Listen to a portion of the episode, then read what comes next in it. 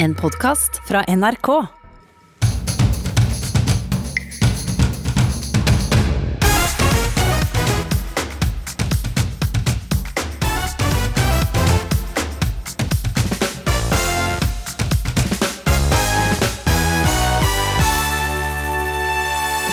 Flere av de som var på grottefesten i Oslo risikerer varig hjerneskade etter kullosforgiftning.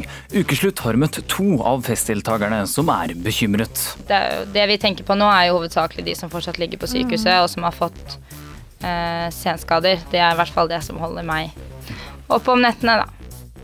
Han har blitt kalt skøyerprins, men hva vet vi egentlig om dagens konfirmant, prins Sverre Magnus? Og Politiet mener munnbindene Idar Vollvik solgte er ulovlige, men komiker Einar Tørnquist er foreløpig godt fornøyd med de 50 han har kjøpt. Jeg har vel ikke noe peiling på munnen min. Det ser helt, tom, det er helt topp ut. Strålende å klemme inn på nesa der og dytte den under kjakan. og Det går så fint at det og sognepresten i Kautokeino sjokkerte konfirmantene med å refse likekjønnet ekteskap og kjønnsskifte. I Norge i dag så er det tillatt at to av samme kjønn kan gifte seg. Og det er helt imot Guds skaperordning. Budskapet hans er helseskadelig, mener lege som møter presten til debatt. Ingen tvil om at det er lørdag og klokken har passert tolv og det er tid for ukeslutt her i P1 og P2. Mitt navn er Filip Johannesborg og vi skal snart snakke med en hacker om hvordan de bryter seg inn i datasystemer. Prins Sverre Magnus skal konfirmeres i dag. Hurra! Han skal nå tre inn i de voksnes rekker, men i løpet av sine 14 år er det ikke så altfor mye vi vet om prins Sverre Magnus. Ukeslutt tok et dykk i arkivet. God kveld. Vi ønsker velkommen til Lørdagsrevyen på denne nye kongelige fødselsdatoen 3. desember. Vi har fått en eh, sønn, og alt ser veldig bra ut. Både mor og barn har det fint. Siste skudd på kongehusets stamme skal ikke tituleres kongelig høyhet, bare prins. Kongen i statsråd i dag meddelte regjeringen at det er født en prins, og at prinsens navn er Sverre Magnus. I dag skal det feires at den tredje i arverekken blir medlem av kirken. Når en prins døpes, samler denne begivenhet et helt folk. Nå skal vi synge og ønske de nye førsteklassingene velkommen til første skoledag. Prins Sverre Magnus. Hvorfor kan ikke svenskene gå fortere på ski? Men du Magnus, ganske bra vi i alle fall. Ja, og til sist her hørte du prins Sverre Magnus intervjue kronprinsessen eh, Victoria av Sverige. Caroline Vagle, reporter med kongelig ekspertise i Se og Hør. Mange husker kanskje bare prins Sverre Magnus for sin såkalte dabbing, altså en tøff dansebevegelse fra Slottsbalkongen under 17. mai for tre år siden. Hva vet vi egentlig om prinsen? Ja, han er kanskje mest kjent for nettopp det å være eh, en gutt med glimt i øyet som, som eh, har gjort litt ablegøyer underveis, men, men, jeg tror han er en ganske vanlig gutt på, på 14 år som, som får leve ganske skjerma og, og, og leve som eh, gutter flest på sin alder. Han er elev i Montessori-skolen i Oslo. Han driver med alpint, sykling og surfing. Eh, og er eh, Ja, vi vet rett og slett ikke så veldig mye mer, og det tror jeg er ganske bevisst eh, fra kronprinsparet, som ønsker at barna deres skal få lov å eh, vokse opp som barn flest med minst mulig eh, søkelys, rett og slett. Ja, for han har jo heller ikke tittelen Hans Kongelige Høyhet? Nei, og det var nok eh, Han er første, det første barnet i den norske kongefamilien som blir født eh, barn av en kronprins som ikke har det, og det sa kongen at det skulle være fordi at han, altså han skal ha større mulighet til å velge fritt eh, og leve mer privat. Og de har rett og slett ikke ønske om at det skal være så mange fremtredende medlemmer av kongefamilien som skal representere offentlig. Mm. Hvilken rolle har egentlig prins Sverre Magnus i dag? Eh, vi ser han ikke så veldig ofte. Han er med på store eh, jubileum og, og eh, typ når besteforeldrene har bursdag eller feirer 25 år på tronen, og så er han med på 17. mai. Eh, og så er han med i Holmenkollen på Holmenkoll søndag. Sånne type arrangement. VM på ski, den slags. Men når hele familien Han, er, han representerer ikke alene. Søstrene skal jo læres opp til å bli dronning, så hun går jo i såkalt dronningsskole og er begynt å representere oftere og oftere. Det gjør ikke han. Mm. Og nå er det jo slik at konfirmasjonen i dag det er en viktig dag i norsk kongefamilie, altså konfirmasjoner. Vi husker jo Ingrid Alexander hadde en storstilt konfirmasjon i fjor. Eh, hvordan blir det i dag? Du, det er jo ganske annerledes fra hun, både fordi at hun er arveprinsesse og eh, det må være mer offisielt, men også pga. korona så har det eh, innskrenka seg litt. Så de skal eh, i kirka først, i Asker kirke, som er den lokale menigheten. Søstrene ble jo konfirmert i Slottskapellet. Det er bare eh, arvingene, eller de som skal arve tronen, som gjør. Han skal konfirmeres med andre eh, jevnaldrende, og da har han 16 gjester i kirka som er sine. Etterpå så skal de eh, ha en privat middag hjemme på Skaugum, som ikke er langt unna fra kirka, hvor det kan være maks 20 gjester. Så selv om man er kongelig, så må man forholde seg til restriksjonene. Ja, Men er dette her bare smittevernsmessige restriksjoner? jeg tror jo at han i utgangspunktet ville hatt en mer privat fest Eh, fordi at man ikke eh, må gjøre det i så stor grad som eh, Men at han ville hatt flere gjester enn 20, tror jeg nok han ville hatt hvis det ikke har vært korona. Mm. Ja, for Hvordan blir det fremover for prins Sverre Magnus? Han eh, skal vel ikke være så offisiell fremover heller? Nei, det tror jeg ikke. Eh, jeg tror at han får i stor grad vel sjøl. Det ser vi at uh, hans tante prinsesse Märtha Louise har fått gjort, og, og, det tenker jeg at de har ønske om at han også skal få gjøre. Vi vil se han sånn som vi har sett han i store offisielle sammenhenger, men noe mer enn det tror jeg egentlig ikke han vil eh, være synlig. Mm -hmm. Ja, og du skal jo da følge med på eh, konfirmasjonen til prins Sverre Magnus i dag. Og vi i NRK gjør også det, selvfølgelig. Fra klokken 15.45 i dag så kan du se konfirmasjonen hans på NRK1 blant annet. Du får en god tur til Asker kirke, Karoline Vagle. Kongereporter i Se og Hør. Flere av pasientene som fortsatt ligger innlagt på sykehus etter grottefesten i Oslo, har fått hjerneskader etter kullosforgiftning. Det ble kjent torsdag denne uken. Rundt 200 personer var innom festen i det nedlagte bunkeranlegget, der det ble brukt et dieselaggregat for å holde musikken i gang. Ukeslutt møtte to av festdeltakerne som i tiden etter festen har vært bekymret for fremtiden til de som ble hardest rammet det, det, vi tenker på nå, er jo hovedsakelig de som fortsatt ligger på sykehuset, mm. og som har fått eh, senskader. Det er i hvert fall det som holder meg oppe om nettene, da. Jeg møter to av kvinnene som var på den såkalte grottefesten i Oslo, som endte med at flere ble sendt eh, til sykehus. De har valgt å være anonyme, men vil fortelle sin historie om festen for å gi et mer balansert bilde av det som skjedde. For at media har jo lett å fremstå Sånn som det har vært i media de siste dagene, så har det vært som en rusfest med helt dumme mennesker. Det er ikke det det er. Vi er smarte, oppgående folk som er unge og så har lyst på en fest. De forteller at de opplevde festen som vellykka, men at det etter hvert kom altfor mange, og at festen kom ut av kontroll. Eh, da blir vi truffet av en veldig sterk eh, bensinlukt og jeg kjenner at vi blir svimle med en gang. I debatten i NRK på tirsdag fortalte en av dem hvordan døra til aggregatrommet som skulle gi strøm til anlegget, hadde blitt brutt opp, og at det lå bevisstløse mennesker der som hun prøvde å redde. Så vi går bort til dem, prøver å riste tak i dem, slå dem i ansiktet. 'Hallo, hallo, våkne', eh, sier vi, og de våkner ikke. Så vi begynner da å prøve å dra dem ut derfra, samtidig som vi selv holder på å svime av, da og de tenker hun ekstra på nå. Eh, jeg var jo innlagt på sykehuset selv i to dager med kullosforgiftning. Eh, sammen med jeg tror vi var 27 stykker som ble eh, lagt inn og fikk behandling, da. Og for meg som fant, fant disse guttene inn, bevisstløse inne på dette rommet, så er det ganske ekkelt å tenke på at de kanskje ikke kan gå tilbake til sånn som de var før, da. Det kan ha betydning for senere hukommelse, man kan få Parkinson-lignende symptomer. Merete Vevelstad, overlege og forgiftningsekspert ved Oslo universitetssykehus, forteller om senskader som kan oppstå ved kullosforgiftning, og at gassen er vanskelig å beskytte seg mot. Ja, Dilemmaet er jo at eh, hvis man da finner noen som er bevisstløse, så befinner man seg jo i et lokale hvor det finnes gass. Og er det ille nok, så kan jo veldig mange av de som kommer til og skal være redningsmenn, bli ramma, sånn at i løpet av kort tid så kan jo mange titalls, og i verste fall hundretalls mennesker bli forgifta. Hun forteller hvordan kullos rammer kroppen og gir en slags indre kvelningstilstand. Eh, til å begynne med så kan det jo føles som om man brått har fått en slags eh, forkjølelsestilstand. Eh, eller en annen måte å sammenligne det på, at man brått har havna godt på vei opp mot Mount Everest. Man får hodepine, blir svimmel, kan bli kvalm. Eh, og i verste fall så får man svekka bevissthet. Hun ber folk være obs på farene for eh, snikende kullosforgiftning i helt hverdagslige situasjoner. Er det jo gjerne ulykker. Det skjer f.eks.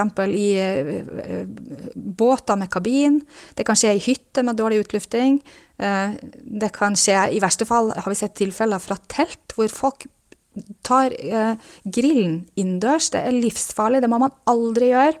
Ikke i fortelt, ikke i lukkede rom med den type eh, apparat som går på brensel.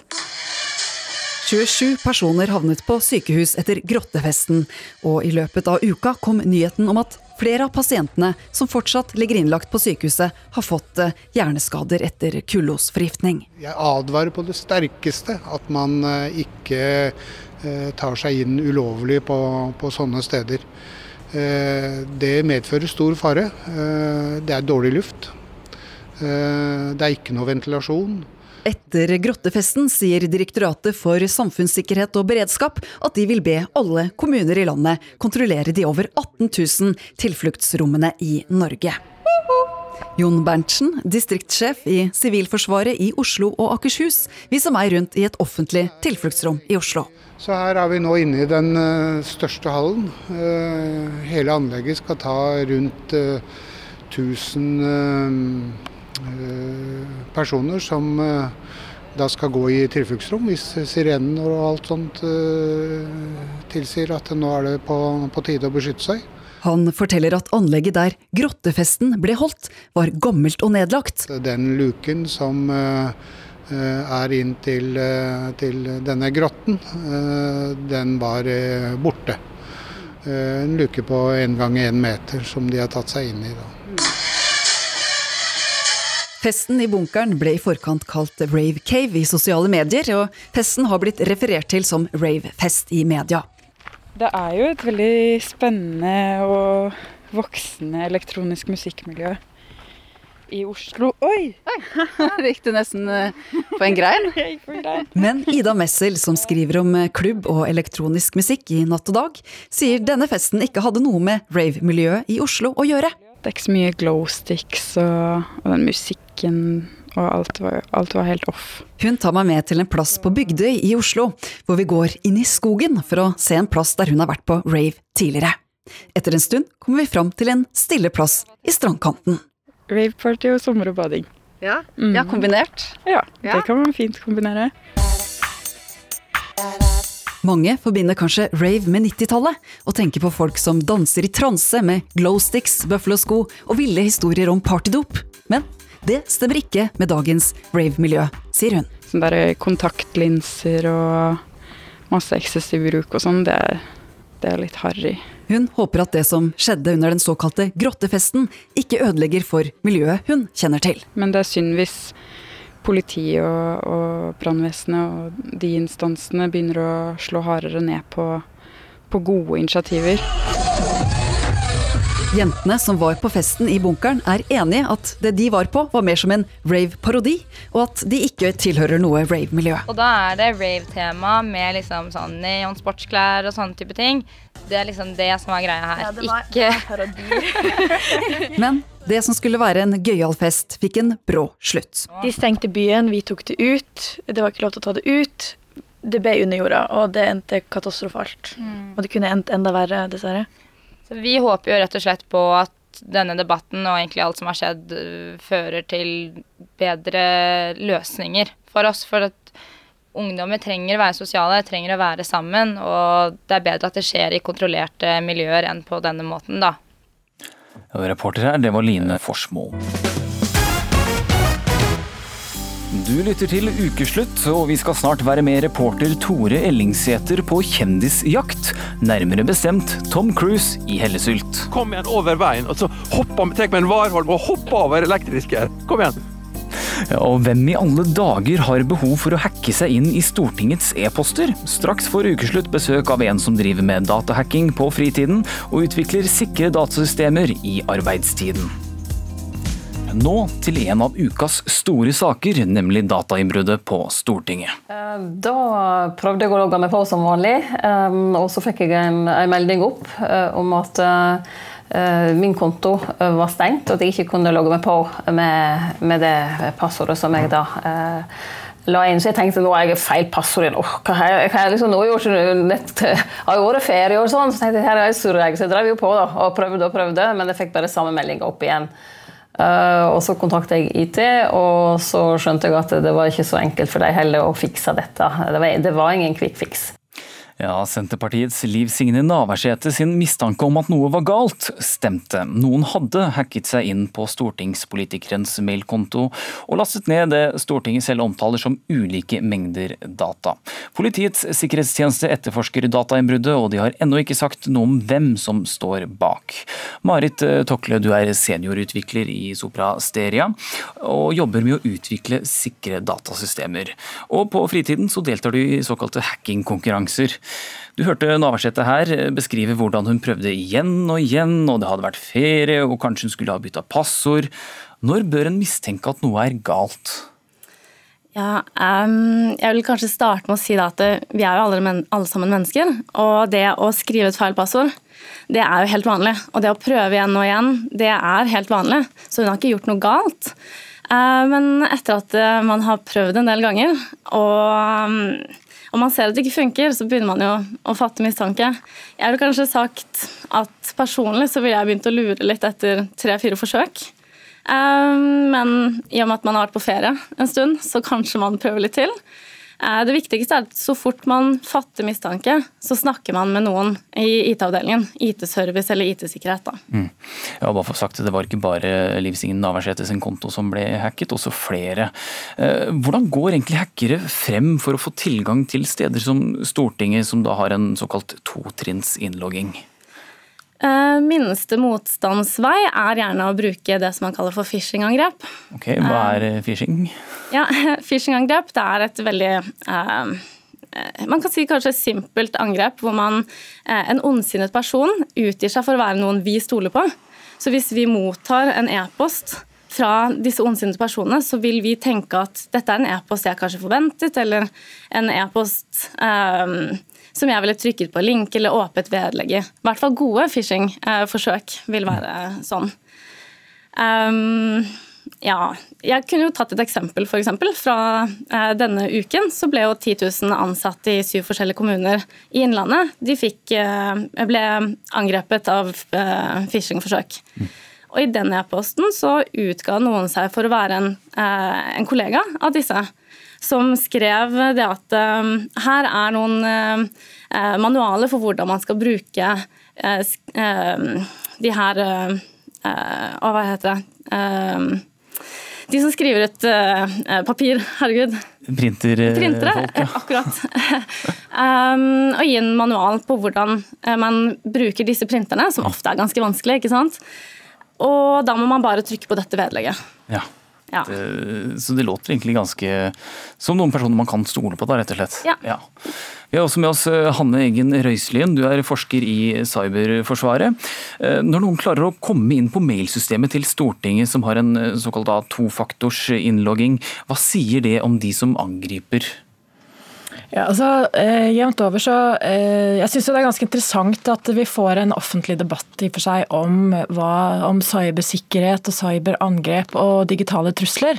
Eh, det må jeg først få si, fordi at det er jo eh, en sånn det, Hele samfunnet vårt digitaliseres så kraftig nå, og samtidig som vi er ganske sånn eh, ferske i og litt naive i tilgang, tilnærmingsmåten vår på, til det, at vi er så veldig begeistret for å få ny iPhone med facial recognition uten egentlig å sette oss inn i var det egentlig nødvendig? Hva er, hva er det som disse telefonene f.eks. kan? Da? Sånn det øyeblikket vi får noen sånne gadgets i hendene, så, så blir vi så entusiastiske, men uten egentlig å se på sånn, all den Vi ser på alt som er gøy med det, og ikke alt som er problemfullt, da, hvis vi kan si det sånn. sånn at til, til det spørsmålet ditt så er det klart at det er jo en helt sånn vifte av eh, mulige typer angrep og angrepsformer, og ikke minst angripere rent sånn faglig så uh, er det klart at vi skiller jo mellom ulike nivåer her i forhold til at det er uh, noe er sånn dette berømte gutterommet. ikke sant, kan sitte en og sånn uh, og det er veldig sånn det, gjør seg veldig godt på film. ikke sant, Når sitter en sånn Hva het den der War Games? Det var på 80-tallet.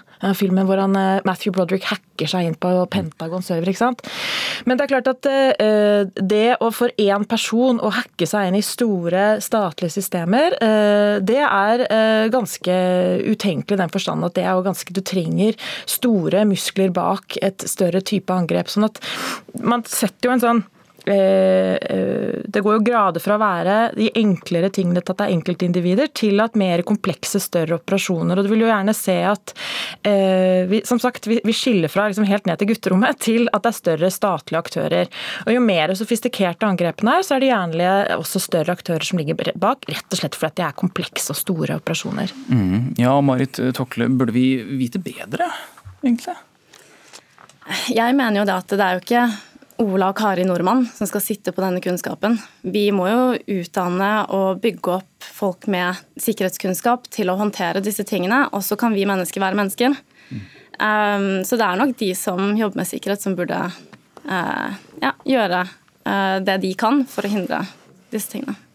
Hvem mener du da kan stå bak disse angrepene? Ah, det er ikke Det er litt skummelt spørsmål. Uh, Hvorfor det? Jeg vil vel kanskje heller peke tilbake på um, et innbrudd som skjedde for noen år siden. Eh, Helse Sør-Øst ble angrepet, og der eh, Jeg er litt usikker, jeg lurer på om man ikke helt kom fram til hvem som faktisk gjorde det. Men de så spor fra, fra Kina, da. Mm. Og det er jo ofte litt sånn at vi tuller i hackermiljøet om at eh, ja, det er vel Russland eller Kina eller USA, da, de store, som mm. gjør de sofistikerte angrepene. Mm, de store. Hanne Egen Røiselin, eh, alle som har overvært en saksbehandling i Stortinget vet jo at det kan være dørgende kjedelig. Eh, hva er vitsen med å bryte seg inn i mailkontoen til politikere som Sp, Ap og Høyre? Ja, så Hvis man bare ser sånn generelt på dette, for akkurat denne saken her er jo til under etterforskning, så den får vi la ligge til side. Men det er klart at det, eh, noe av problemet med, eh, og som vi må ta inn over oss, egentlig, er at eh, vi har gjort samfunnet vårt veldig sårbart ved å digitalisere så mye. Det er veldig mye som er veldig bra med det, og så er det en slagside. ikke sant? Og det går på En ting er informasjon som sådan, hva, som er, hva vi har tilgjengelig eh, om oss, både rent privat, men også de jobb, yrkene vi har. ikke sant? Men en annen ting er også hvordan demokrati demokratiet vårt fungerer. Eh, det er måter vi forhandler på, måter vi snakker sammen på. Særlig i eh, lovgivende myndigheter f.eks. så skal det foregå unektelig eh, samtaler. Det er, jo hele poenget med å ha en god demokratisk offentlig debatt. Sånn at i, alle institusjoner egentlig, og sånn sett så er jo det ble sagt også til om det har vært Forsvarsdepartementet eller for den saks skyld din egen husholdning, så klart at det er vi er alle deltakere i forskjellige fora, i forskjellige medier, organisasjoner og i forskjellige forskjellige eh, sosiale relasjoner. og Det er den, hva skal jeg si, det er en del av vår eh, grunnstein da, i vårt demokrati at vi skal kunne snakke sammen uten at det vi sier eh, blir sensurert eller styrt. Og Det er en grunnstein i samfunnet vårt. og Der er jo liksom, jeg, Liv, Liv Signe Navarsete ingen unntak, og det er ikke du og jeg heller. Mm. Ja, og Når da hackerne har kommet seg inn i et datasystem, eh, Marit Tokle, hva gjør de da? Altså, krever de penger? Er det, hva er det de er på jakt etter? Det kommer litt an på hva målet er. Ehm, et mål kan jo bare være å hente én type informasjon. Gå inn, hente informasjonen, gå ut og håpe at du ikke blir sett. En annen eh, ting man kanskje vil gjøre, er å komme seg inn i nettverket, være der, lytte, samle data. Men så har vi også det som er at eh, mange av oss er ute etter penger. Så um, da har vi jo et angrep som heter løsepengevirus, f.eks., som er noe som, eh, ja, som man kanskje ser mer og mer av. Mm, og de jakter da etter pengene dine rett og slett og prøver å få ut så mye de kan? Ja, det, det er vel ofte noe hackerne er ute etter. Ja. Hanne Eggen Røiselien, eh, forsker i Cyberforsvaret. Du er opptatt av den menneskelige faktor, sier du. Hva mener du med det? Nei, det er jo rett og slett at den, hva skal si, digitaliseringens svakeste ledd er menneskene. og Det er jo det interessante i sånn, sånn måte er jo eh, noe som eh, en nåværende amerikansk president har blitt veldig kjent for, f.eks. fake news. Det er jo litt sånn satt på spissen så er jo sosiale medier og sånn som Instagram blitt en av de store nye konfliktarenaene. Fordi at eh, det er jo eh, arenaer som både individ, altså, eh, si, både du og jeg og amerikanske presidenter og, og kjendiser agerer på ganske likt. ikke sant? Sånn at, vi, Der er det veldig stor informasjonsflyt. Vi har kommet til en situasjon hvor at ting, at ting skal gå viralt nesten er viktigere enn at det er sant. Mm. Og det å være i stand til å sortere informasjon. Vi må ha noen form for sannheter rundt oss og ha noen eh, hva skal kalle det, tydelige retningslinjer rundt oss for at vi skal det hele tatt få samfunnet vårt til å fungere. og Det krever ganske mye av enkeltindividene. Og så har vi i Norge et ekstra problem som er en sånn Det er litt rart at det er et problem. Vi har en veldig høy altså vi har mulighet til å ta i bruk mye teknologi, og har en veldig høy teknologisk turnover. Vi er veldig entusiastiske sånn. ikke sant? Vi kan jo mm. nesten kjøpe og bruke hva som helst. Samtidig som det gjør oss til et, uh, et godt demokratisk samfunn, samtidig som vi blir ekstra sårbare Og det. Og det er at den sårbarheten ligger jo ikke i om man har en god IT-avdeling, det er jo vi som er brukere. Vi, hvordan vi bruker Instagram, hva vi faktisk tror på. ikke sant? Mm. Og én ting er ikke sant, i Norge, men det er jo ganske velkjent problemstilling at ting, ting, som legges ut på Instagram og Twitter, at der er det mye. Det er en grunn til at begrepet eh, eh, fake news kommer opp. ikke sant? Mm -hmm. Det er jo så mye vi omgir oss med som er uh, delvis sant, og til tider, tider, ikke sant. Delvis sant og ikke sant. Marit Tokle, er du på sosiale medier? Ja, men jeg har jo blitt mer og mer redd. Jo mer jeg lærer om sikkerhet, jo mindre deler jeg i sosiale medier. Mm. Det, det, er jo skummelt når man lærer Eh, ja, lære om disse fake news og alt, hvordan sosiale medier påvirker oss, men også hvem som kan se på det her. Mm. Hvem deler jeg alle disse tingene med? Det, det vet man ikke alltid. Tusen takk for at dere var med, Marit Tokle og Hanne Eggen Røislien. Idar Vollvik møtte pressen i går etter en nokså tøff uke. Forretningsmannen er tiltalt av politiet for å ha pakket om og feilmerket munnbind, som han igjen har solgt gjennom sin nettbutikk Ludo Store. Han erkjenner ikke straffskyld, men innrømmer å ha pakket om munnbindene. Det er nevnt at vi har pakka om, ja det har vi gjort. og det er helt, det, det er ikke noe, Fram til i dag har det ikke vært noe galt i å pakke om fra en 50-pakk til en 10-pakk. Vi tenkte som så at det viktige her var at type 1 var merka som type 1. Og det har vi etterlevd og prøvd og gjort hele tida. Ingen kan eh, stemple oss som pandemiprofitør. Ja, og En av dem som har fått tak i eh, Vollviks munnbind, ja, det er moromann Einar Tørnquist. Det flamma mot meg en stor reklame eh, på var det VG, da? Eh, nettsidene, i hvert fall. Eh, med Ludostore og munnbind. Vi har munnbind, munnbind, munnbind, munnbind! Eh, til en rimelig pris. Så tenkte jeg du verden, så kjekt da. Kanskje det er sånn som blir vanskelig å få tak i. Vet du, Jeg jeg kjøper en batch, tenkte jeg. Og så tenkte jeg Ludo, jeg har hørt mye om Ida Vollvik, at det har vært mye sånn fram og tilbake med de munnbinda, men nå er hun vel sikkert ok, da, tenkte jeg. så kjøpte jeg. Og du er eh, foreløpig godt fornøyd, eller? Ja, foreløpig har jeg bare brukt ett av dem, og det var for å lage et slags morsomt bilde til Instagram. Uh, og det, det fungerte kjempebra. altså, ellers så har du ikke brukt dem til noe smittevernsmessige mål? Nei, altså jeg er jo nybakt far og veldig mye hjemme. Og de gangene jeg kjører, så har jeg også en ny bil. Eh, så jeg er veldig mest opptatt av å lære meg den å kjenne. Så jeg har ikke vært på kollektiv uh, ennå. Så foreløpig har dette her gått uh, veldig veldig smertefritt. Dette er bare en investering selvfølgelig i et, et, samlerobjekt. Ja, har du fått noen forespørsler om folk som har lyst til å kjøpe disse munnbindene nå? Ja, jeg har fått faktisk noen forespørsler. Eh, ganske rause forespørsler om ingen jeg har sett på som seriøse. men folk er villige til å bla opp tusenlapper, men jeg tror ikke noe på dem, da. Jeg må jo nesten spørre da, Einar. Eh, hvordan reagerte du da din selger, altså Ludo Store, ble hanket inn av politiet for juks med disse munnbindene? Jeg reagerte med en slags sånn, eh, hva kaller det, en eh, mild til eh, middels uh, sjokk og vantro. jeg, var ikke, altså jeg, var ikke, jeg, jeg, kan ikke si jeg var helt sånn supersjokkert. Det var jeg ikke. Litt sjokkert. Men de, de, de, så ut som vanlige munnbind, de du fikk? Jeg har vel ikke noe peiling på munnen min. Det ser helt, tom, helt topp ut. Strålende å klemme inn på nesa der og dytte den under kjakan. og Det går så fint at det. Nå skal jo ikke jeg begå kirurgi med det aller første, så antagelig så gjør jeg nok ikke noe skade med disse munnbinda. Enn så lenge, nei. Enn så lenge, det er sant. Jeg kan jo, hvis det kommer en krisesituasjon, så må vel jeg også begå kirurgi, sånn som alle andre. Eh, nå er det jo sånn at jeg sannsynligvis ikke kommer til å, å um, operere eh, mennesker. Eh, men eh, fungerer disse munnbindene eh, ok på bussen og sånn? Hvis jeg f.eks. skulle få en full blown korona, men allikevel har veldig lyst til å bevege meg i det offentlige rom, kan, funker det da? Det er jo et eh, betimelig spørsmål, vil kanskje mange si. Eh, Har du vurdert å spørre om å få pengene tilbake nå, Einar? Jeg syns ikke det virker som om Idar eh, trenger noe mer eh, trøbbel akkurat nå. Jeg må nesten spørre også, Denne uken så kom jo da Canadas helsedirektør og anbefalte munnbind også under sex. Tenker du at det er en god idé, eller? Eh, ja, altså det, det, for, det vil bli helt umulig å få til noe ordentlig 69 eh, da. Det høres jo, det høres jo spesielt ut. Nei, du har ikke prøvd, altså? Nei, jeg har eh, ikke prøvd. Eh, men som sagt, nok en gang, i en krisesituasjon så er jeg villig til å prøve det òg. Ja, Det sa altså Einar Tørnquist.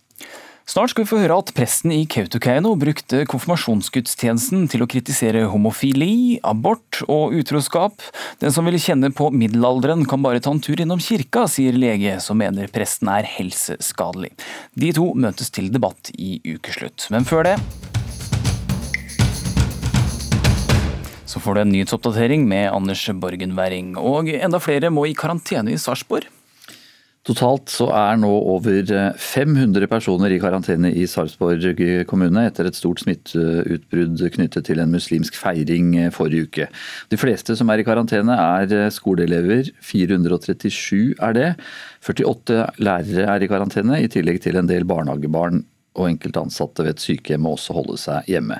Og når det gjelder antatt smittede, så um, etter denne muslimske feiringen så ble det i går meldt om 40 nye koronatilfeller i Fredrikstad og 9 i Sarpsborg.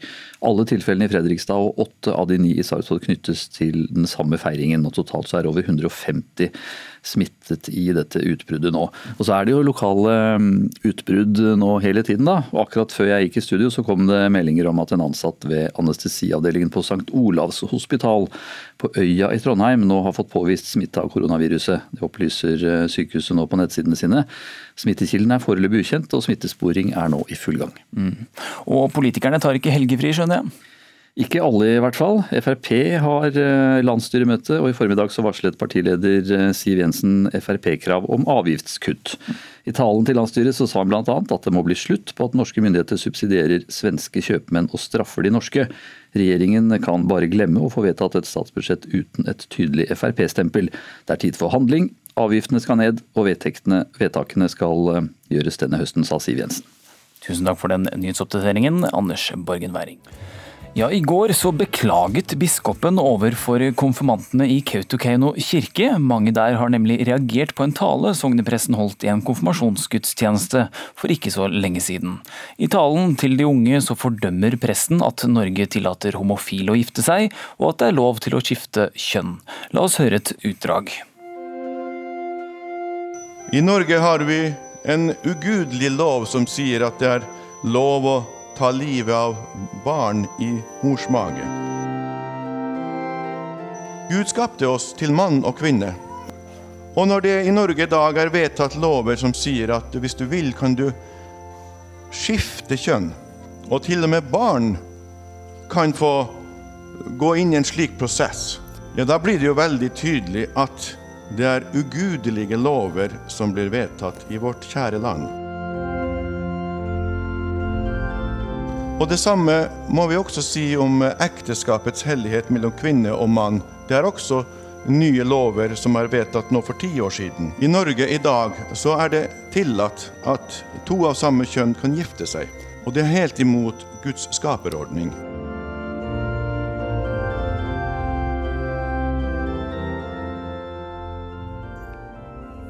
Ja, og En av dem som reagerer på denne talen, det er deg, Marit Karlsen. Hvorfor følte du et behov for å si ifra? Eh, mitt engasjement det kommer på bakgrunn av at jeg opplever det som viktig å stå opp eh, mot den eh, fordømmelsen som uttrykkes fra prekestolen i kirka. Um, denne konfirmasjonsgudstjenesten eh, var dessverre ikke enestående, men den føyer seg inn i en lang rekke. Um, med legeskoen på uh, så vet jeg at det den rammer enkeltmennesker hardt. Um, sånne diskriminerende utsagn. Og det rammer jo ekstra hardt de som også syns at kirka betyr mye for dem. Ja, som Du sa, du er lege i Kautokeino, og du karakteriserte talen som helseskadelig. Hvordan kan den skade, tenker du? Eh, nei, jeg syns jo ikke at det er så vanskelig å tenke seg altså at man blir, eh, blir fordømt for, man, eh, for, den man er. Det jeg har stilla meg sjøl spørsmålet, det er at jeg lurer på om presten har risikovurdert eh, sine egne diskriminerende utsagn. Ja, Bjarne Gustad, du er sogneprest i Kautokeino og holdt altså denne prekenen som vi hørte enkelte utdrag fra her. Eh, det betegnes som helseskadelig, hva sier du om det? Nei, jeg tror ikke den uh er helseskadelig fordi at um, uh, vi må jo forkynne Guds ord slik som uh, vi har fått det forelagt. Og uh, hvis noen føler seg fordømt av ordet, så er jo det kanskje også noe riktig i det at Gud dømmer oss. Og den strenge Gud har vi kanskje glemt å snakke om i kirka. Men eh, det er jo det som er det fine, da, at eh, Gud også frikjenner oss. Han har gitt sin egen sønn til soning for våre synder, og alle er vi syndere. Og Derfor summa summarum så blir det jo et uh, veldig godt budskap, et fredsbudskap. Ja, Du snakker jo om abort og utroskap, homofili og kjønnsskifte eh, i denne talen eller prekenen. Hvorfor er det viktig at 15-åringer som står til konfirmasjon får høre om dette, tenker du? Nei, Jeg tror at eh, vi må være realistiske og, snakke om eh, livet slik det er. og når barn er 15 år, så har de jo sett litt av hvert av både det ene og andre og utsettes for voldsfilmer og, påvirkning på den ene og andre måte. Eh, så det var jo en god hensikt med det som eh, jeg sa, og det var jo det å veilede dem ut ifra Guds eh, bud, hva som er det gode og sanne og rette. Ja, Marit Karlsen, hva tenker du om det Gustav sier her? Altså, Min agenda er som, som, som innbygger og som lege og som medmenneske å, å stå opp og si at dette er ugreit. Eh, med mitt utsagn så forventer jeg absolutt ikke en holdningsendring hos presten. Eh, men jeg hadde håpa på og forventa at biskopen hadde agert, sånn at vi forhåpentligvis kunne fått i fremtida prekener med et annet vekta budskap. Jeg står på at jeg syns at uh, det her er uhørt. Jeg står på at det er diskriminerende i så stor grad at det, at det tangerer det ulovlige, selv om det kommer fra kirkas talerstol. Mm, for Gustav mener jo han bare formidler Guds ord. Eh, hvorfor kan ikke de som ikke liker budskapet, bare konfirmeres et annet sted da, Karlsen? Um, jo, det kan de jo, men uh, hvis man skal ha Mitt utsagn er også en sånn samfunnsmedisinsk uh, agering. For man skal også kjenne Kautokeino-samfunnet og betydninga, den sosiokulturelle betydninga av kirka her, som er mye, mye større enn eh, de fleste andre plasser eh, rundt omkring. Mm. Bjørn Gustad, du um, har jo fått uh, litt ord fra biskopen også, biskopen i Nord-Hålogaland. Olav Øygard sier at kirken skal formidle det glade budskap om troen på Jesus. Er du uenig i det? Unnskyld at jeg flirer, men det er jo det som er poenget. Og vi drives til Kristus når vi ser eh, tydelig at eh, Hvorfor har vi bruk for han? Jo, vi har bruk for Jesus fordi at eh, han er verdens frelser. Og han har kjøpt oss fri med sitt blod, død for oss på korset. Og, og da trenger vi også vite Er Jesus for meg? Trenger jeg han? Trenger jeg en frelser. Og det er det som er interessant egentlig med, med det samfunnet som vi har i dag. At um, det med synd generelt sett, det på en måte er um, neglisjert. Uh, det liksom virker at um, Jesus trengte ikke komme, for vi synder ikke. Alt er, uh, alt er tillatt. Alt er lov. Men, men, det som er interessant med Guds bud, at de er veldig presise og, og, og konsistent i hva de mener. Og Gud har ikke forandret seg. Og Guds hellige lov har heller ikke forandret seg. Og han skapte oss til mann og kvinne i sitt bilde. Det står fast. Det finnes ikke flere kjønn. Det er det gode. Og vi skal ikke slå i hjel. Det er det samme. Og det er godt. Det, synden er ikke god. Synden er ond. Så du kommer ikke til å legge om stilen her, eh, Bjørn Gustav? Jeg vil snakke om Jesus så, så lenge jeg um, får anledning. Og eh, det er jo egentlig det at um, Et, et um, dilemma her med hvor tydelig skal man gå på det med det som går imot Guds ordning og Guds bud. Og jeg har valgt å, å være tydelig på det. Og da synes jeg også at det blir veldig tydelig den evangeliet, tilgivelsen for, for syndene, og, og, hvorfor Jesus måtte komme. Han kom for at vi ikke skal fortapes, men skal ha, få evig liv med troen på Han. Ja, Marit Karlsen, Det høres jo akkurat ut som Bjarne Gustav kommer til å skifte retning her. Hva tenker du nå? Nei da, det tror jeg jo ikke jeg heller. Og vi står vel så langt eh, fra hverandre sånn meningsmessig som vi kan.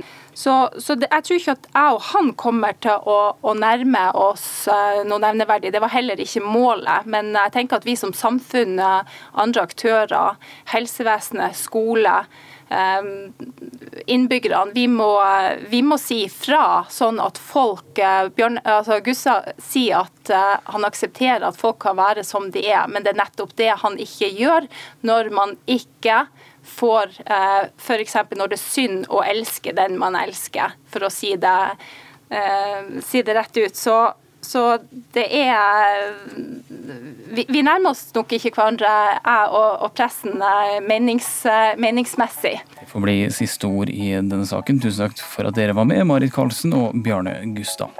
Denne uken ble Hellesylt i Stranda kommune stedet å være for den som vil oppleve noe stort. Skuespiller og selveste Tom Cruise fløy, kjørte, kjørte og hoppet rundt i den flotte naturen der oppe. Men så var det å få intervju med ham, da. Alle medier med eller uten selvrespekt vil jo ha noen ord med en verdenskjendis. Reporter Tore Ellingsæter ble satt på saken. Fiskeri, fotball, uvær og drap. Vi har en allsidig hverdag, vi som er journalister i NRK. Ja da, jeg intervjua både kong Harald og Stevie Wonder, men eh, denne mandagen er jeg satt med et mål. Denne veka skal jeg intervjue med Tom Cruise på Hellesylt på Sunnmøre. Det burde ikke være noen uh, Mission Impossible. har du møtt uh, Tom Cruise? Nei, jeg har ikke det. Har du uh, møtt han? Nei. Du? Nei. Nei. For meg handler det om å være vaken og, og følge med. Har dere sett noe til han Tom Cruise? Nei, det hadde jeg ikke. Plutselig kommer Tom seilende i en blå fallskjerm og lander på andre sida av elva.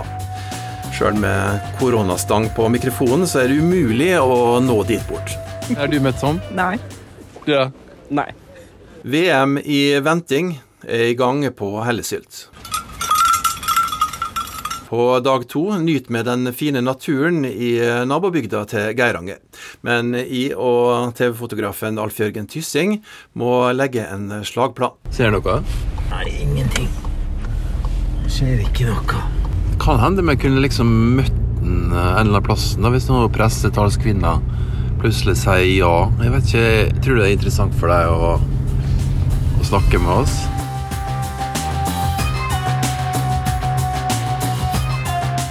Dere sitter her en gjeng med damer og følger med. Hva, hva gjorde det da han sirkla over med helikopter? Nei, var var full ekstase her da, vet du. Og reiste oss opp og vinka. Uh, skikkelig. Jeg hørte dere hadde av seg klær og sånn forskjellig. Var det riktig? Ja, det med Flashing? Ja, litt hemmeligheter må vi ha, altså. Skal ikke røpe alt der, men vi håper at Tom så noe, da. Det er blitt eh, onsdag.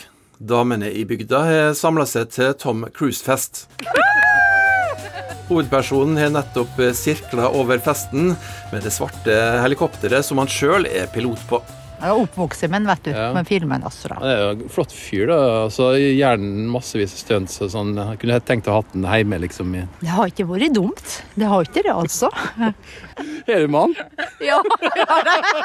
Høres ikke sånn ut. Nei. Ja, det er trivelige folk på Hellesylt, og nå får vi lov til å slippe inn på kjøkkenet. Vi skal redigere torsdagens sak til TV-nyhetene. Tom kjører ikke utfor kanten med motorsykkel, men Jeg tror det er et eller annet, nå ser jeg, det er et eller annet som skjer borte. Bare spring, kom igjen over veien, og så trekk tek meg en varholm og hopp over elektriske. Kom igjen. Er det noen som slipper inn til han Cruise? Hæ? Hvordan er Sunnmørsposten greid å komme seg inn, da? Står han eh, Ståle der borte sammen med Cruise? Vi skulle aldri sittet og redigert, vet du. Det her inne på Hellesylt så var det noe, noe helt spesielt eh, som skjedde. Og vi må nesten få vite hva var det som skjedde. Vi ble, vi ble spurt om vaktene om vi hadde lyst til å komme inn og møte Tom Cruise, og så fikk vi lov til det. Da gikk vi bort på marka, og så fikk vi møte han og ta bilde med han og sånn. Det var skikkelig kult. Hva du har bilde av, egentlig? Det er meg og han, og så har jeg tatt mange videoer. Så dette må ut på nett ganske fort, da. Nei, Nå har du møtt han, dere tre har møtt han. Nå er det kun jeg som er journalist i NRK nesten, som ikke har møtt han. Denne redigeringa på kjøkkenet skulle vi aldri starta med. Vi går altså glipp av kjerneoppdraget vårt og intervjuet Tom Cruise. Og her står han, Ståle Vatte, du har jobba som fotograf i Sunnmørsposten i mer enn en mannsalder. Hva var det du gjorde for å komme bort til Tom? Nei, jeg tenkte nå er det aldri, når eh, småfansen eh, heiv seg over broa og nærma seg, og vi fikk komme bort. Da tenkte jeg her må ha selfie av han, koste hva det koste vil. Jeg lempa fra meg store kameraet og fotovesten, og så fant fram mobilen, og så joina jeg fansen. Irriterende, altså. Dette er eh, ikke noe særlig bra. altså. Nei, dette her er jeg egentlig ikke så veldig stolt av. Hva fikk jeg egentlig ut av eh, all jobbinga? Det ble eh, virkelig Mission Impossible. At Tom Cruise har eh, kommet til Norge, ja det har vel de aller fleste fått med seg. Lokalaviser Land og Strand har gitt kjendisen spalteplass for den minste lille ting. Vi tenkte å dykke litt ned i lokalavisenes kjendisstoff, og hvem har vel, har vel mer oversikt enn deg, Ken André Ottesen, drifter av BA-desken på Instagram og forfatter av faksimilebøker, velkommen. Tusen takk for det. Du har jo i flere år fulgt med på diverse lokalaviser her i landet, og hvis det kommer en kjendis akkurat dit du bor, så går ikke det akkurat folk hus forbi. Hvorfor er det så godt mediestoff å dekke kjendiser her i landet? Jeg tror, ikke det er, eh, ikke det er sånn at det er bare lokalaviser som er opptatt av det. Jeg jobber i VG, og du jobber i NRK. Vi sender folk ut på Tom Cruise, vi òg, som vi akkurat har hørt. Eh, Men jeg tror det er noe universelt. Jeg tror, at, eh, jeg tror folk har vært opptatt av kjendiser i, helt siden det har vært folk. Vi er fascinert av at noen på en måte har tatt steget opp og elevert seg sjøl litt. Vi syns det er stas å prate om, vi syns det er stas å sladre om, og så syns vi det er kjempestas at Tenk at Tom Cruise er på hellesylt, liksom! Det er jo egentlig helt sinnssykt. Selv om det i filmen sikkert kommer til å si at den er en eller annen plass i India, eller noe sånt, men det er jo veldig stort for folk på hellesylt. Jeg har vært mye på hellesylt, skjer ikke så mye der. Du har vært mye på hellesylt? Jeg har vært en del på hellesylt, har en kompis derfra. ja, har vi noen eksempler på dekningen av Tom Cruise, da? Ja, Der har jo lokalavisene på Vestlandet hatt en fest. Jeg, jeg falt jo veldig for en sak fra Romsdals Budstikke her, som var lagt ut i eh, denne uka her. Og den har tittelen 'Nå er det Hollywood-feber i den vesle Sunnmørsbygda', men har Tom Cruise virkelig vært på Joker og kjøpt øl?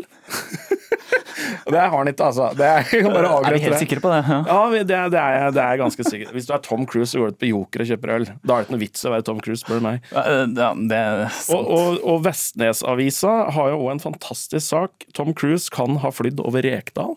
Oi, over Rekdal, ja. Ja, for er, de har gått, Han har kommet inn med helikopter, så har de gått inn hva, hvor kan du fly med helikopter, hvor er det lov å fly? Da var det ei sånn rute som gikk over Rekdal. Hmm, imponerende. Jeg har jo da bedt deg ta med dine topp tre nær kjendissaker. Ja. Men først, kan du røpe noen som ikke kom inn på listen, eller? Ja, det kan jeg gjøre. Uh, skal vi se her, jeg har med en jukselapp. Jeg kan ta en fersken fra Stangeavisa. Eh, Petter Northug kjørte trolig ruset gjennom Stange før han ble stoppet. Gjennom Stange? Det er jo stas at en sak som hele Norge, at den hver dag kjører fort gjennom Stange, på en måte. Det er jo det største som har skjedd på Stange på mange år. Eh, og jeg har òg en her fra mm, eh, Aust-Agder Blad. De skulle prøve å finne en lokal vri på Sonja Hennie-filmen for noen år siden, og endte opp med Hollywood-stjernen Sonja Hennie hadde Risør-tilknytning. Det går en historie om at hun ble bitt av hunden til Hennie Paulsen. Oi! Og Hennie, hun var fra Risør. Og da er jo bikkja fra Risør, og når bikkja har bitt i Sonja Hennie, så er, da er det en link. Det, det, det, skal ikke mer til. Det skal ikke mer til, og jeg, jeg har da bedt deg ta med tre, altså dine favorittsaker, tre av dem. Uh, og jeg tenkte at vi gjør det i riktig rekkefølge, så vi kan begynne med tredjeplassen. Uh, hvilken avis får tredjeplassen din? Det er avisa Valdres med saken Visste du at artisten Sigvart Dagsland hadde en onkel på Fagernes? Hmm, det visste ikke jeg i hvert fall. Nei, ikke jeg heller. Nå vet vi det. Fantastisk. Kjempebra. Hva med andreplassen? Andreplassen går til Ringsaker Blad for saken Christer Sjøgren signerte trusa til Tove på Ops. Oi! Selveste Christer Sjøgren? Christer Sjøgren signerte truse på Ops på Ringsaker. Fantastisk. Får ikke blitt bedre.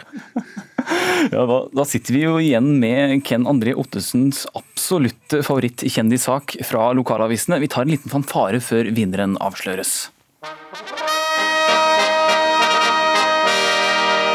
Vinneren er hvem andre? Hamar Arbeiderblad. Obama fløy over Hamar. Den er eh, sterk. Det er en klassiker. Det er eh, alle sånne kjendissakers, eh, lokale kjendissakers mor. For Vi snakker både om president, tidligere president Obama og det å fly over et sted. Det ja, da, var han, da var han president, og så hadde Hamar Arbeiderblad sett på flightradar at han fløy faktisk rett over Hamar på han skulle til Sverige. Mm. Og Da kan det tenkes at han har kikka ned og sett Mjøsa, og kanskje fått med seg denne husklinga som er Hamar, med et dårlig fotballag. Hva vil du si gjør akkurat denne saken som bra? Eh, nei, for den er, han, det er både Jeg tror lokalavisa sjøl skjønner at det er litt ironisk, og så er det veldig jeg, jeg, Den saken er sikkert den saken som Hamar Arbeiderblad har skrevet som jeg klikket for flest ganger. Jeg hadde klikka på det, i hvert fall. Eller jeg vet jeg klikka på det. Jeg leste den. Så det er, det er et eller annet utrolig eh, fint med det. Eh, og det er sånne saker jeg er mest glad i, da. Mm. Rett og slett. Vi sier takk til deg for at du kom og orienterte oss om diverse orienteringer, Ken André Ottesen. Er det egentlig så lett for barn å følge med på hva ministerne sier på pressekonferansene, selv om de er ment for barn? Jeg ser egentlig ikke forskjell på eh, pressekonferanser for barn og voksne, med mindre at eh, spørsmålene er fra barn. Vi har hørt med barna, selvfølgelig. Og folk som bruker mobiltelefonene i bilkø skal ikke lenger få bot fra politiet. Trygg Trafikk reagerer og mener at all uoppmerksomhet fører til ulykker. De fremstår som politiske aktivister på venstresida, svarer Frp. Se for deg at du sitter i bilen, køen foran deg er lang, det står bom stille. Du kjeder deg. Og så plutselig Du får en melding og har veldig lyst til å lese den, kanskje til og med svare på den for å få tiden til å gå. Men har du egentlig lov til å bruke mobilen når du sitter i kø? Nei, mener politiet, som til nå har bøtelagt mobilbruk i bilkø. Men denne uken kom det dom i nesten to like saker som handler om mobilbruk og i bilen som står stille, altså. Begge førerne i disse sakene ble frikjent for bruken. Dette mener dere i Trygg Trafikk er svært negativt. Knut Olav Nestås, du er regionleder i Vestland. Hvorfor det? Fordi uoppmerksomhet er et stort problem. I om lag en av tre dødsulykker vet vi at uoppmerksomhet er en faktor. Bruk av mobil er en del av dette. Og Derfor er det også viktig at vi jobber målrettet for å redusere bruk av mobile bil. Og Da er ikke veien å gå å bagatellisere slik bruk ut fra juridiske spissfindigheter. Da vi er til stede når du er i trafikken, da er vi er oppmerksom på det som skjer. Vi er forsiktige til omsyn. Det er nøkkelord. og Derfor så kan ikke oppmerksomhet i trafikken bli en sånn à la carte-meny, der trafikantene sjøl velger om de skal følge med så fort de får rødt lys, og da samtidig tikker inn en, en snap. Men bilen står jo stille her i kø av og til? Ja da. Ja da, det, ja da, det gjør han. Det, men vi mener det kan ikke være slik at fordi bilen foran deg gjennomfører en kort stans, så er det ålreit å sjekke mobilen. Selv om vi har klart å redusere tallet trafikkulykker over tid, så er det ikke tvil om at trafikkbildet er veldig komplisert. Det blir flere myke trafikanter, det er veldig mange nye elektriske kjøretøytyper. Og kravene til tempo og god avvikling er, er høye. Da er det også viktig at vi har sikkerheten med, med, med her. og da stiller strenge krav til trafikantene og peker på hver og en sitt ansvar. Det er åpenbart en del av løsningen eh, for bedre trafikksikkerhet for alle.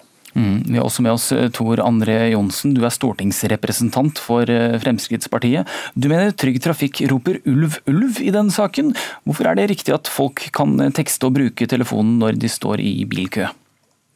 Trygg Trafikk har alltid vært en viktig aktør og en god partner gjelder trafikksikkerhet. og Det håper jeg det skal være for framtida. Men det er det som, som, du innleder med, at da kan de ikke rope ulv, ulv og uh, lage et problem ut av alle endringer som skjer, og alle ting som ikke direkte er trafikkfarlig. Å sitte og motta en melding og svare på en melding f.eks. i en stillesittende kø, det er ikke der dødsulykkene skjer, det er ikke der det er alvorlige ulykker.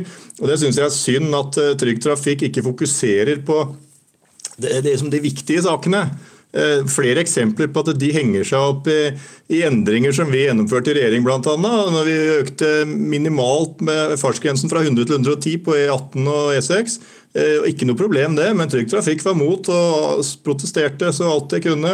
Eh, de er motstandere til å bygge bedre, tryggere, sikrere firefelt motorveier. De vil heller ha to-trefeltveier. Det er uansett hva det er for noe, så virker det som at de er negative og mot. og Det er veldig synd, for hvis de skal ha en troverdighet og en, en, en, aktør som er viktig og som folk lytter til framover, eh, så anbefaler jeg at de ikke henger seg opp i ting som helt klart ikke er et problem for trafikksikkerheten. Men... Det å tekste en melding eller å motta en melding og kanskje lese den når du sitter i en stille kø, det er ikke der jeg ville satt inn fokus. Det hadde vært Trygg Trafikk. Altså. Men eh, Tor André Johnsen, statistikken lyver jo ikke. Svært mange ulykker på veien blir forårsaket av uoppmerksomhet oppmerksomhet. Blir vi ikke litt uoppmerksomme når vi sjekker mobilen? Jo, men det er, det er et godt poeng. det. Du skal ha fokus på å kjøre bil når du kjører bil, men her kjører du ikke bil, du sitter stille i en kø. Eh, og, og, og, jeg må jo si, Hvis, hvis Trygg Trafikk er, er, opptatt av det, og det er bra at det er det selvfølgelig når du kjører bilen, men, men, men, men hva med da med nye biler? da? Eh, sånn som Den nye Tesla modell 3. Du har én skjerm som er midt i dashbordet, er ikke engang i synsvinkelen. Du må, du må flytte blikket for å, for å følge med på hva som skjer, og til og med hastigheter eller uansett hva det er. Eh, det er masse teknologi i nye biler. Det er som å ha en PC på hjul. Eh, hvordan stiller Trygg Trafikk seg til det? Hvor er, hvor er, debatten der? For da er det jo faktisk biler som er i bevegelse. Eh, ja, ja Knut Olav Nestås, hva sier du til dette? Nei, altså jeg synes Johnsen tar jo også opp noen relevante poeng. da, men Hvis vi, hvis vi skal ta én ting om gangen, her, så er det litt sånn, det er grunnleggende folkeskikk å svare på den vi spør om. Og det er klart Når en journalist spør oss om mobilbruk i bil, så vil det vært litt rart om vi i Trygg Trafikk skulle svart med, med fartsgrense og firefelts motorveier. Jeg kan forsikre Johnsen om at vi i Trygg Trafikk jobber bredt med mange titalls trafikksikringstiltak hver eneste dag. Men det vi snakker om i dag, det er altså mobilbruk i bil. Og Hovedpoenget må være å ha en tydelig grense for at det ikke er greit å bruke mobil i bil. Og at vi ikke skal viske ut og bagatellisere disse grensene. Og Om svaret er at bruk av mobil er greit, så sant vi venter på rett lys eller bilen foran gjennomfører en kort stans, så er det noe galt med spørsmålet. Da må vi stille nye spørsmål og stramme inn forskrifter om, om nødvendig. For intensjonen bak forskrifter var åpenbart i sin tid at en skulle redusere bruk av mobil i bil. Og Med tanke på utfordringen om å redusere tallet drepte og skadde, så må da fortsatt eh, ved målet kjøre en bil, så må en være i kjøremodus enkelt og greit. Og så har jeg også lyst kort å kommentere dette som Johnsen sier om skjermer og distraksjoner i bilen. Det er gode poeng, men fordi noe er lov, så er det ikke nødvendigvis klokt. Det er strenge krav til deg som trafikant, at du skal være skjerpa, oppmerksom, våken. Og det er òg eh, et aktsomhetskrav. Selv om det er lov å trykke på en skjerm, så er det òg fortsatt krav til deg som, som bilist. Derfor så, så mener vi at ideelt så bør du lære deg å betjene disse her eh, funksjonene best mulig. Kanskje du kan gjøre det via multifunksjonsrattet. Få dette inn i fingrene, så du slipper å, eh, å sitte og trykke på alle tingene som er på, er på sida. Eh, det er helt sånt åpenbart råd, da. Ja, Det skal ikke så mye til for å miste oppmerksomheten på veien. Tor André Johnsen, hva tenker du? Nei, Det er helt riktig det. Selvfølgelig, Du skal ha fokus på veien når du kjører bil, men her snakker vi om biler som står stille i en kø. Står helt stille. Det er mange som har opplevd det.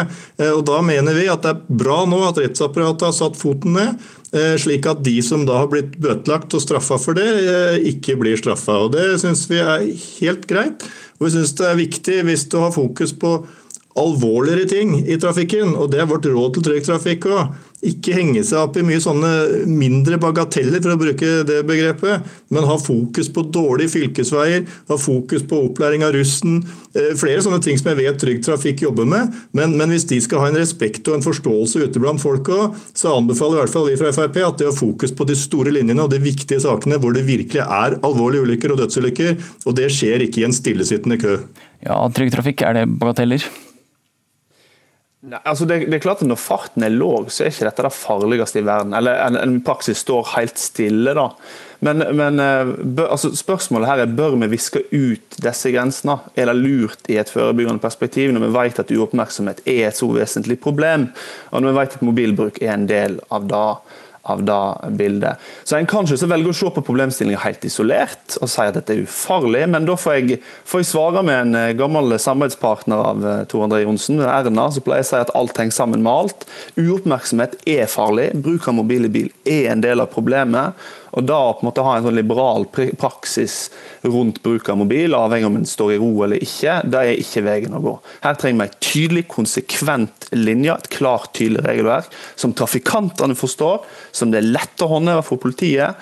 Eh, og, og Derfor så kanskje rett og slett forskrifter må strammes inn, slik at vi ikke tillater litt mobilbruk, gitt at visse om og dersom. Da må rett og slett eh, forskrifter skjerpes inn, sånn at dette blir lett for politiet å håndheve, og sånn at hver og en av oss forstår at vi må holde øynene på veien og ikke sende selfies via Snapchat. Å holde øyene på veien, det kan jo være et eh, tips til de aller fleste. Tusen takk for at dere var med, Knut Olav Nestås og Tor André Johnsen. På torsdag hadde regjeringen igjen en pressekonferanse for barn. Ukesluttsreporter Runa Leinan tok turen til Grefsen skole for å høre med elevene om hvilke av ministerne som klarte seg best.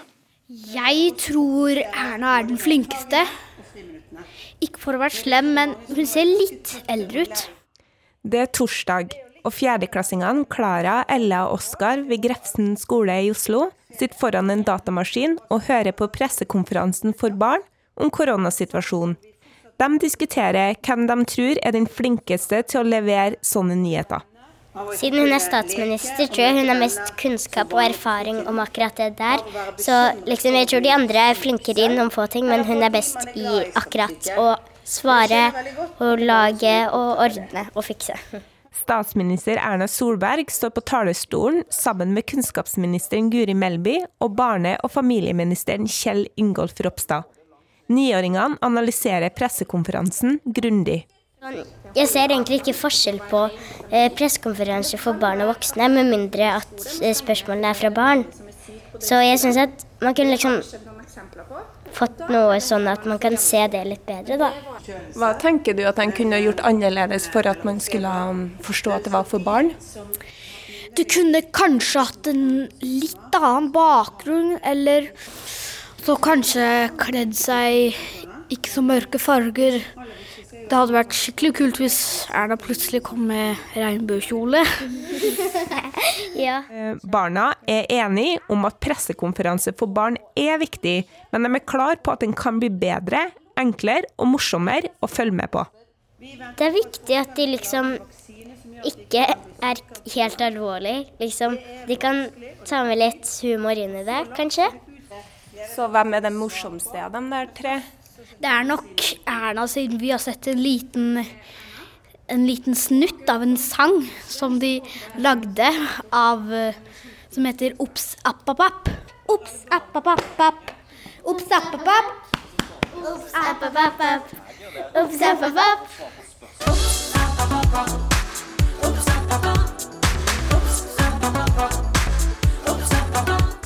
Og denne sangen ble til etter at statsministeren glemte sitt eget råd om ikke å håndhilse. Mens ministrene greier ut om smittespredning, kohorter og gule og røde land, blir barna litt rastløse. De mener at ansiktsuttrykk er noe de voksne bør jobbe litt mer med, for å holde mer på fokuset til barna. Men noen ganger så kan de, de kan jo droppe liksom å være helt nøytral hele tiden. Så kunne de droppa det litt morske fjeset. Strekmunn, og så er det litt skeptiske øyne. Så er det Kanskje litt senkete øyenbryn. Litt sånn Før pressekonferansen mente panelet at det var statsministeren som kom til å gjøre den beste jobben. Men hva er dommen etter at pressekonferansen er slutt? Eh, Nå, nå var pressekonferansen over, og det slutta bare med en svart skjerm. Og de som gikk av scenen, og det starta ganske likt, så jeg syns det, det var litt Det var litt skuffende. Hvem var det som snakka best, sånn at du forsto mest?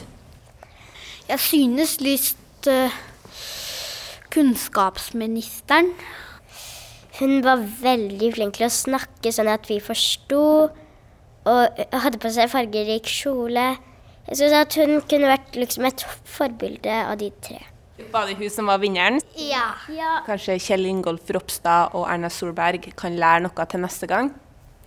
Ja, de kan lære litt mer med klærne de har på seg. Litt mer fargerike dresser hadde vært litt bedre. Et fargerikt slips hadde gjort en stor forskjell. Og kunnskapsministeren er meget fornøyd med å bli kåra som vinner. Altså, det er den beste attesten jeg har fått eh, siden jeg ble kunnskapsminister, omtrent. Og tipsene skal hun ta med seg videre. Det er første gangen jeg får en direkte tilbakemelding fra barn, og det er jo veldig nyttig, for det er jo dem som er målgruppa for disse pressekonferansene. Nå må jeg sette meg ned med Erna og Kjell Ingolf og si at vi har fått noen gode råd fra fjerdeklassinger. Eh, og det er veldig fint at jeg har en såpass god kilde å vise til, og fortelle dem at de bør bli litt mer som meg. Så det har jeg tenkt å ta med meg neste gang vi møtes. Og det var også ukeslutt for i dag. Ansvarlig for sendingen det var Kari Li. Teknisk ansvarlig Hanne Lunås. Og i studio, ja, det var meg, Filip Johannesborg. Da ønsker, det, da ønsker jeg deg bare en riktig god lørdag videre. Nå får du Dagsnytt. Du har hørt en podkast fra NRK. Hør flere podkaster og din NRK-kanal i appen NRK Radio.